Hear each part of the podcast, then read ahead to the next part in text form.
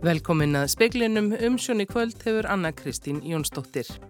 Nánast tvö af hverjum þremur úkrænskum börnum hefur orðið að flýjað heimann frá því að innrás rúsneska hersins hófst í februar lok.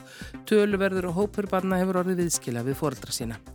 Íldeilur í verkalýsreifingunni geta gert komandi kjara viðræður snúnar, segir sagfræðingur sem telur uppsögn alls starfsfólks eblingar fordæmalausa í sögur reifingarinnar.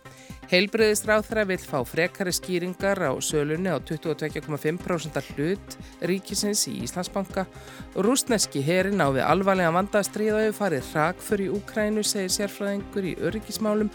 Þrátt fyrir yfirburði í mannabla og hergögnum hafa rússar gefist upp á að ná höfuðborg Úkrænu á sitt vald. Og íslenska kvennalandsliði fótbolta vann það tjekkneska í dag og er efst í sínum riðli í undankeppni HM. 4,8 miljónir barna í Úkrænu hafa neðist til að flýja heimili sín frá því að innrás rúsneska hersins hófst. Það eru næstu því tvö ákveðum þremur úkrænskum börnum að sögn barnahjálpar saminuðu þjóðana. Manuel Fontaine, yfirmaður bráða aðgerða hjá barnahjálpinni UNICEF, gerði öryggisráðið saminuðu þjóðana grein fyrir ástandinu í dag. Á síðustu sex vikum sagðan að börnin hefði þurft að hvaðið heimili sín, skólana og í mörgum tilvikum sína nánustu. Með öllu væri óvíst hvað byðið þeirra. Börn sem hafa orðið viðskila við foreldra sína sagðan að eittu að hættu að verða beitt ofbeldi, verða misnótuð eða seld mannsali. Fontaine sagði að fyrir læju staðfestar upplýsingar um að 142 börn hefðu dáið af völdum stríðsins. Þau hefðu ímist lendi í skottriðinni eða orðið fyrir sprengjum. Líkast til væri fórnarlömpin mun fleiri. Manuel Fontaine bætti við að þeirra 3,4 miljóna barna sem enn eru heima býðu einnig hættur. Matarskortur vofði yfir helmingi hópsins og einnig stafaði börnunum hætta af ósprungnum sprengjum á jörðinni. Hann sagði að ukrainsku börnin heldu áfram að þjást hvern dag sem stríðið dregst á langin. Tími var í komin til að binda enda á það. Börnin mætti ekki við því að býða lengur. Ásker Tómasson sagði frá. Lektor í sagfræði segir að engin fordæmi séu fyrir því að öllu starfsfólki í Íslensk stjættarfélags sé sagt upp á einu bretti. Íldeilur innan verkefliðsreyfingarnar séu óvenju miklar í sögulegu samengi. Sumarliði Ísleifsson, sagfræðingur sem hefur rannsakað sögu verkefliðsreyfingarinnar, segir ákverðun meiri hlutastjórnar eblingar um að segja öllu starfsfólki stjættarfélagsins upp fordæmalausa á Íslandi. Solveig Anna Jónsdóttir formaður eblingar segir það hafi verið óhjákvæmilegt að segja starfsfólki upp til að innleiða samræmi, jafnbretti og gagsægi í launakjörum, innleiða eðlilegt bilhæstu og læstu launa og gera aðrar nöðsynlegar breytingar og skipulagi. Þetta er bara algjörlega fórtumulust. Það er náttúrulega þekkt dæmi, eldri dæmi sko, eh, hjá miklu, miklu fámennari félugum sko, en fyrir löngu síðan, þar sem voru svona pólitísk félug og, og og uh, starfsmennu var þó sagt upp en það var kannski bara spurning um einna að tvo en ekki marga tíu. Segir sumarliði. Harðar skeitasendingar hafa gengið á milli Solveigar Önnu og drífu Snædal Forsetta ASI í dag. Sumarliði segir sundrunguna geta gert komandi kjaraviðræður snúnar en það hafi styrkur verkaliðsreifingarinnar verið fólkin í samstöðu.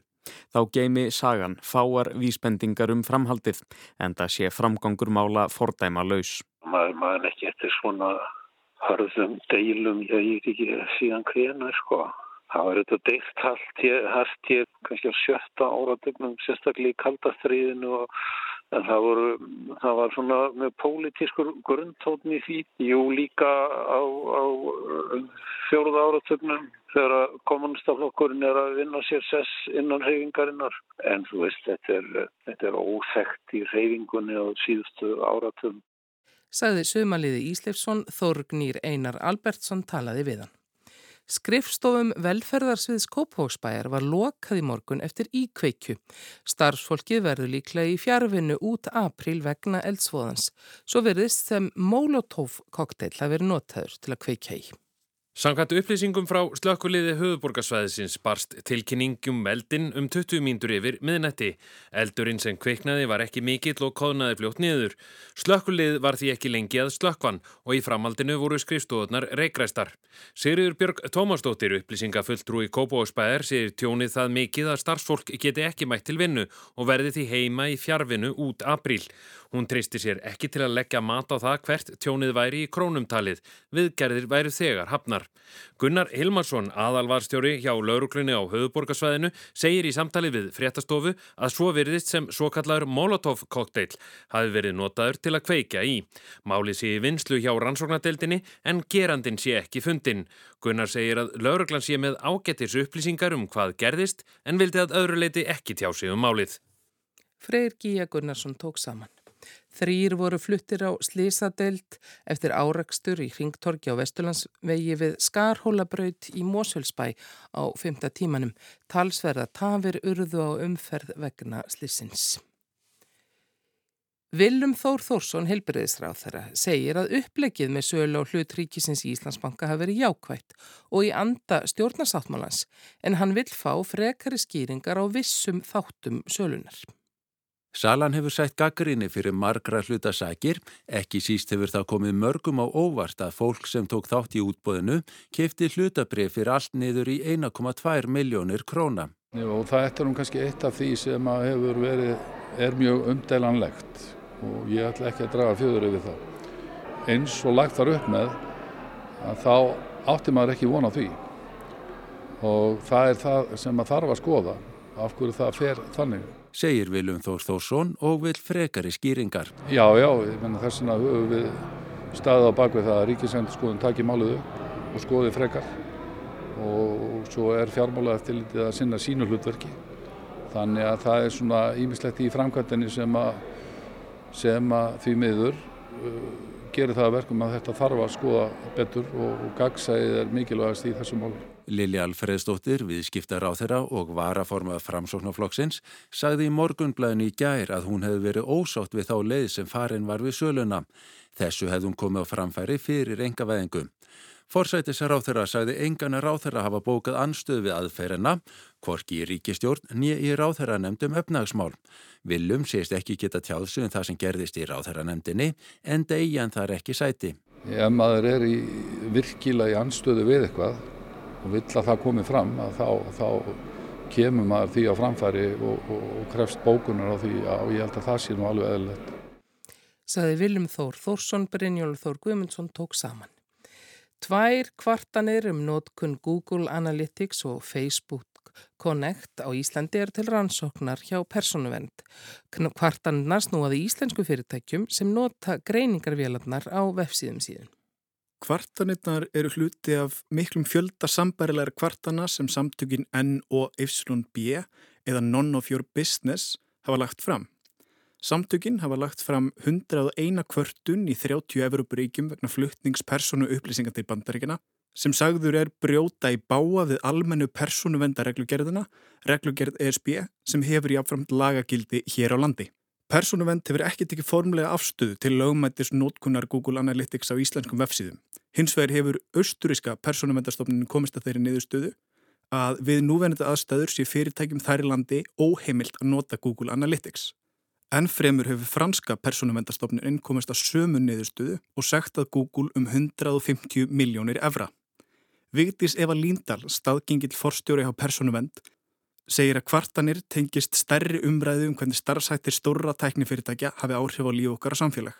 Kröfur um að koma böndum á gagnasöpnun og gagnavinnslu fyrirtækja á borð við Google og Facebook er að verða háværari sem á kröfur um að auka gagsægi kringum auglýsingar sem byrtast notendum á vefnum.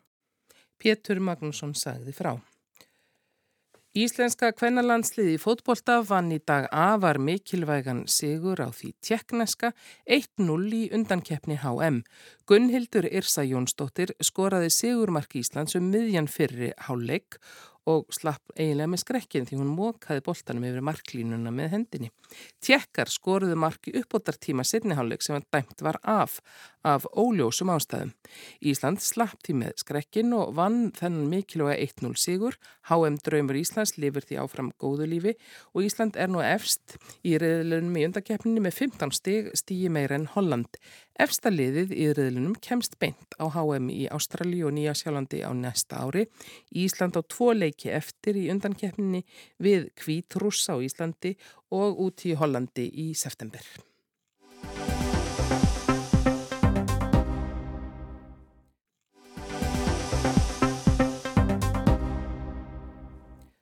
Rúsneski herin hefur farið hrakför í Úkrænu og hann á við alvarlegan vanda að stríða, segir Albert Jónsson, fyrirverandi sendiherra og sérfræðingur í öryggismálum. Rúsneski herin hefur gefist upp við að ná höfuðborg Úkrænu Kiev og einbeitir sér nú að Donbass hér aði í austur Úkrænu. Eitt sem að stendur mjög upp úr allir þessari aldvölarás frá því innrásin hófst er slög framistæða rúsneska hersins og hann á greinlega við að etja marga og mjög alvarlega veikleika. Þetta eru byrðaflutningar, þetta er þjálfun, þetta er viðhald, þetta er tækjabúnað, þetta er skipulægið, upplýsingaöflunin áður en lagt var í hann og svo framvegis. Þannig að, og þetta var þvert á væntingar, ekki bara rúsneska stjórnvalda, vænting allra sérfræðinga allra, og hernaðar yfirvaldast, einfallega í ljósi talnana, hérna tölulegu yfirburða rúsa og þar á meðal yfirburðir í lofti. Og það var bara mjög mistist sko framann af þessu stríðu að flugherrin rúsni ekki sást ekki. Menn hafa náttúrulega almenna skýring á því nema kannski að, að það sem hái, hafi háð því er bara vandamáli í fjarskiptum og eitthvað slíkt. En allavega rúsneski herin kemur mjög laskaður út af þessu og ímyndin af honum er ekki stór og sterkur björn heldur kannski bara pappirsbjörn, ég segi það nú ekki en, en allavega þeir eru farnir frá kýf þeir eru hættir við Kíf, þeir eru ekki burði til að taka höfuborgin að Kíf sem var greinilega mjög mikilvægt markmið í upphafi. Sumir segja bara þeir eru bara beðið ósigur, bara, þetta sé bara, eru bara rættir. Þeir segja sjálfur við tókum ákvörðunum að hætta í Kíf svo við getum einbytta okkur á öðru. Hvað um það? Það er það sem þeir eru að gera. Þeir eru að einbytta sér núna að austurlutanum, Donbass, sem að það sem svo kallar aðskilnaða sinnar hafa verið að stríða við Úkrænu hér í átta ár, við skulum ekki gleyma því, þetta stríð er ekki, ekki nýbyrjað og þeir eru að, að sapna liði, rússarnir, þeim megin við landamærin, sumt af því er lagt að stað inn í Östurlutan hjá borg sem heitir Kharkiv í norður, norðan megin, réttu landamæri Rúslands og svo auðvitað verður löggreinilega ofur áhersla næstu daga á að klára Mariupol og ef að það tekst þá er mjög líklegt að þeir reyna að tengja Mariupol og Kharkiv, Mariupol í söður og Kharkiv í norðri og króa uh, ukrænska herin þar inni, jável fara vestur til Dnepr fljótsins, svo er bara til að bæta stullega við, svo er svona, menn ekki alveg samálum hvað sé að gerast varðandi sóknina í vestur með fram Svartahafströndinni í áttinu Odessa. Þar eru Úkrænandi núna að sína mikla mótspyrnu við Mykolaiv, eh, borg sem heitir Mykolaiv. Það er náttúrulega líka mikið áfall ef að rússar eru fyrir þá eða þurfa að hætta við að taka Odessa. Odessa er fyrsta lagi stór hafnaborg og í öðru lagi ef að þeir ná Odessa þá eru þeir komnir vestur alla strandlengjuna og Úkræna orðin í reynd landlugt ríki sem auðvitað styrkja stöður rúsa feikila mikið. En, en núna er þetta talið að, að megin markmiði sé að taka Donbass og það verði tólkað sem sigur. Það verði bent á að, að nú sé komin svona eins og kalla landbrú eða milli Mariupol og Krímskaga sem er eins og fólk mann láði undir sig 2014. Mm. Þú talaður um törlega yfirbyrði rúsa, en hefur komið óvart hversu já, snjallir úgrænumenn eru í herna? Já, sko, en það eru auðvitað vantanlega afleðing af því að hinnir eru búið við allar þessa veikleika sem að ég nefndi aðeins áðan. En vissulega, og það er líka komið ljós að, að, að Úkrænarnir hafa núna í fjögur, fimm ár verið þjálfaðir af NATO-ríkjum, fengið svona létt vopn sem hins vegar eru mjög effektív gegn skritregum og flugilum og þeir viljast hafa nota þessi vopn með, með góðum árangri. Það berast til þeirra vopn áfram, ekki alveg ljós hver mikið og þetta nú lengist vegalengdin sem þarf að koma þeim frá Pólandi allaveg til Östurlutans og með hverjum deginu sem líður þá gengur allar byrðir sko og rússarnir auðvitað hafa meiri byrðir vantanlega en eh, vegna þess hvernig þetta hefur gengið rúslandska herni þá eru margir sérfræðingar efinsum að hann muni hafa burði á stu, næstu dögum eða allar næstu vikum til að taka Donbass að kunna taka langan tíma mm. og reynast þeim mjög erfitt. Það voru hrettir af því í dag að Pútin er ekki í fríðar hug. Nei, eh, sko þess að fríðaviðraði sem voru um daginn, það var margir veiklingar þar, eh, fyrstulega var nú ekki opnallið sem segir sína sögu almennt sko. En einnig auðvitað fríðarsamninga nátt ekki fyrir báðir telja það að henda sér eða allavega að annar sjá enga aðra leið út úr því. Minna, rúsar halda þessum hernaði áfram væntanlega í þeirri von að það muni styrkja stöðura þegar eftir málunum kemur og einhvers konar samningum sem hljótan að vera óhjákamilegir á einhverju stíi Aðgerðir Vesturlanda hversu áhrifamiklar hafa þar verið? Það er verið áhrifamiklu, það er alveg, alveg á hreinu, mér er rúsa núna hættir að borga á lánum og svo framvegist. Þetta er aðföra þeirra hagkerfi, þetta er aðföra almenningi, lífskjörum og lífsháttum fólks. Mjög alvarlegt áfall fyrir rúsnanskan efna sem var ekki beisinn fyrir, ekki séðan einn hagavöð sem heiti getur í tíu ár og bara skortir erlenda fjárfestingar og, og svo framvegis og framvegis og framvegis. Og þetta er, mun ekki hafa neyn einustu jákvæð áhrif í því efni, þetta móti auðvitað. Þannig að þetta hefur virkilega bitið, það er alveg á hreinu. Svo þetta lifir þessi fyrir umræðum hefðu menn átt að vera að tala, skýrt, tala skýrar áður en innrásinn var hafinn. Hefði það haft áhrif, það er ómöðulegt að segja. Efnahagsþinganir og refsaðgerið, það er löngsaga sem segir yfirleitt að það er, það sé mjög erfitt að láta þær skila til allir márangri, menn af að dæmi Suður Afríka í áraræðir, Íran í áraræðir og svo framvegis og engin grundvallar stefnubreiting í, í afleiðingu af, af svona aðgerðum en, en það er talað samt um að reyna að bæta í. Mm. Er einhverju líkur á því að það verði skrúa fyrir öll viðskipti á ólí og gasi? Það eru uppi rattir um að það þurfi að gera það en, en um leið blasir við, það verður Evróparíkjónu mjög verðugt og uh, þjóðverðar 40% háðir gasi og olíu frá uh, Rúsland. Ungverjar eru ennháðari, Ítalir mjög háðir og fleiri og uh, það er allavega ekki komin svo ákvörðun og ég held hún sé ekki uh, í fæðingu og það er alveg, ég held að mjög líklegt að hún myndi valda mikill óeiningu og, og erfileikum í Evrópasambandinu en komast á stíð og þurfum að taka þessa ákvörðinu, það eru margir á þeirri skoðun að hana þurfi að taka. Þetta sé það eina sem munið duga á endanum. Ég er ekki alveg vissin um það, ég held að úttaldi sé meira en það en um, hjá rúsum en, um, en þetta er svona það eina sem er eftir. Hvernig sér þau fyrir þér núna næstu vikur? Já, ef að rússar á annar ból koma í gang soknar aðgerðunum sem þeir ætla sér greinilega í Donbass, í austur hlutunum, þá eru alla líkur á því að það muni taka minnst einhverja vikur. Sagði Albert Jónsson, Kristján Sigur Jónsson talaði við hann. Bóris Jónsson, forsættisráð þeirra breyta og Rishi Sunak, fjármálaráð þeirra þeirra, voru sektar í dag fyrir brot á sótvarnalögum í hittið fyrra.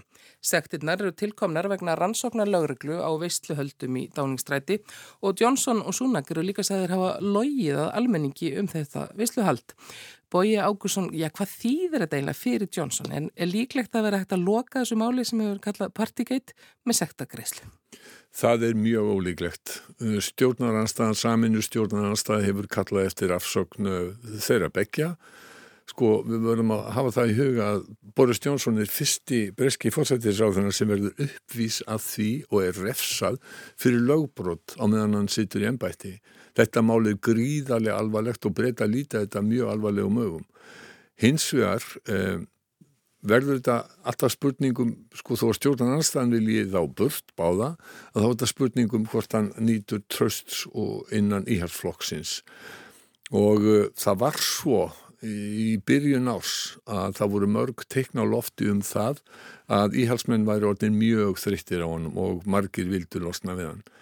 Hins vegar eru sumiðir sem þá kröfðust afsagnar eins og Douglas Ross, leiðtögi íhalsflokksins í Skotlandi, Eh, hann hefur skipt um skoðun og sagði núna í dag að eh, þetta væri ekki rétti tímin og þá er hann að vísa til innrásar rúsa í Ukrænu og þeirra miklu spennu sem er í heimsmálunum. Já, því að, því að Johnson var að svona standa mjög tæft bara fyrir í nokkur vikum. Já, Svo, það er alveg horrekt. Hann stóð mjög tæft.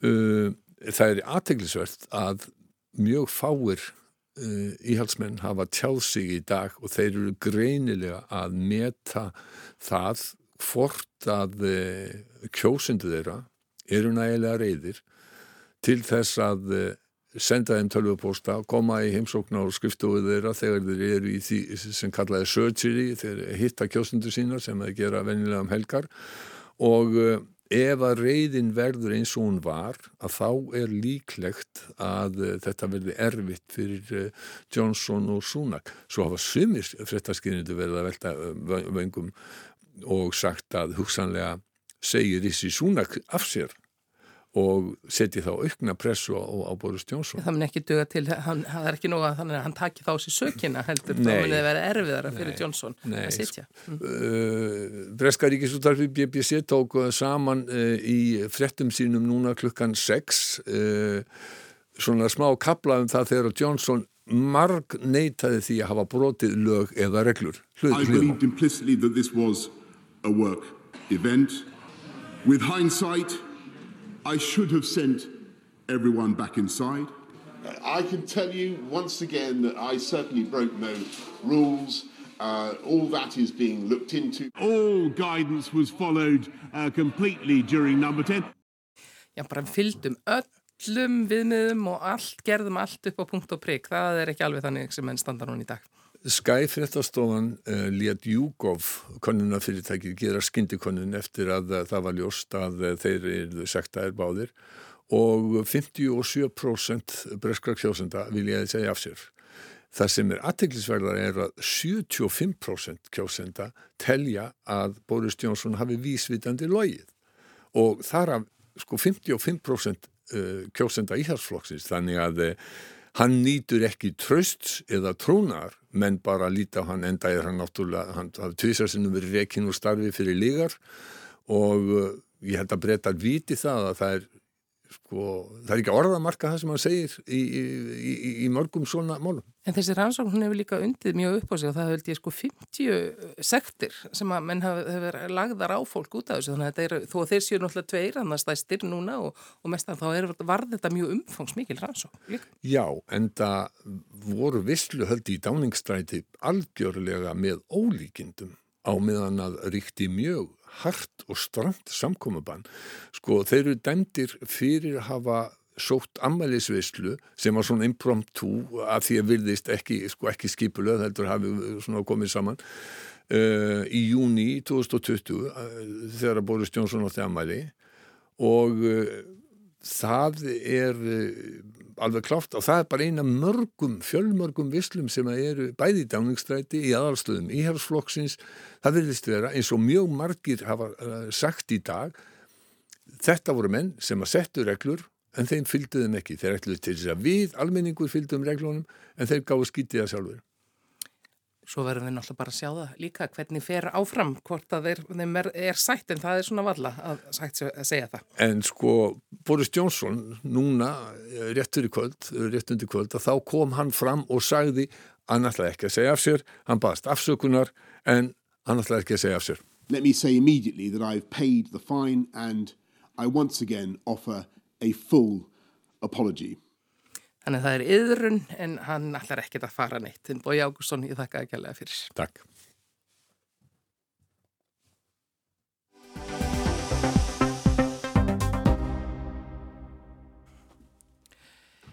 En það eru fleiri stöðum ráþherrar í vandraðum en í Breitlandi því að tveir ráþherrar hafa neðist til að segja af sér á fyrsta hálfa árinu á valdatíma ríkistjórnar Jónasar Gars Störes í Noregi.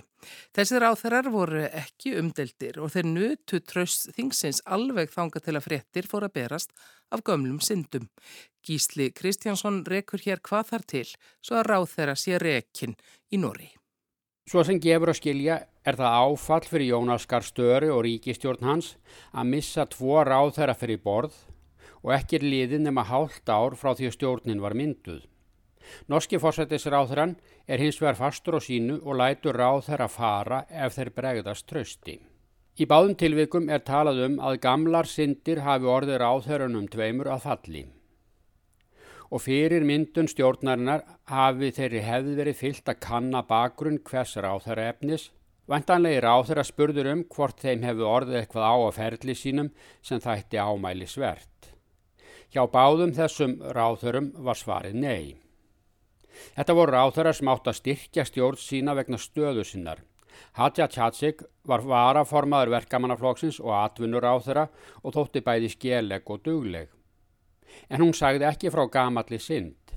Hún hafði reyndar eins og fleiri fengið skattfrít leigu íbúð í Óslo vegna þess að hún átti heima í Stafangri og hafði útkjöld vegna heimilishalds þar.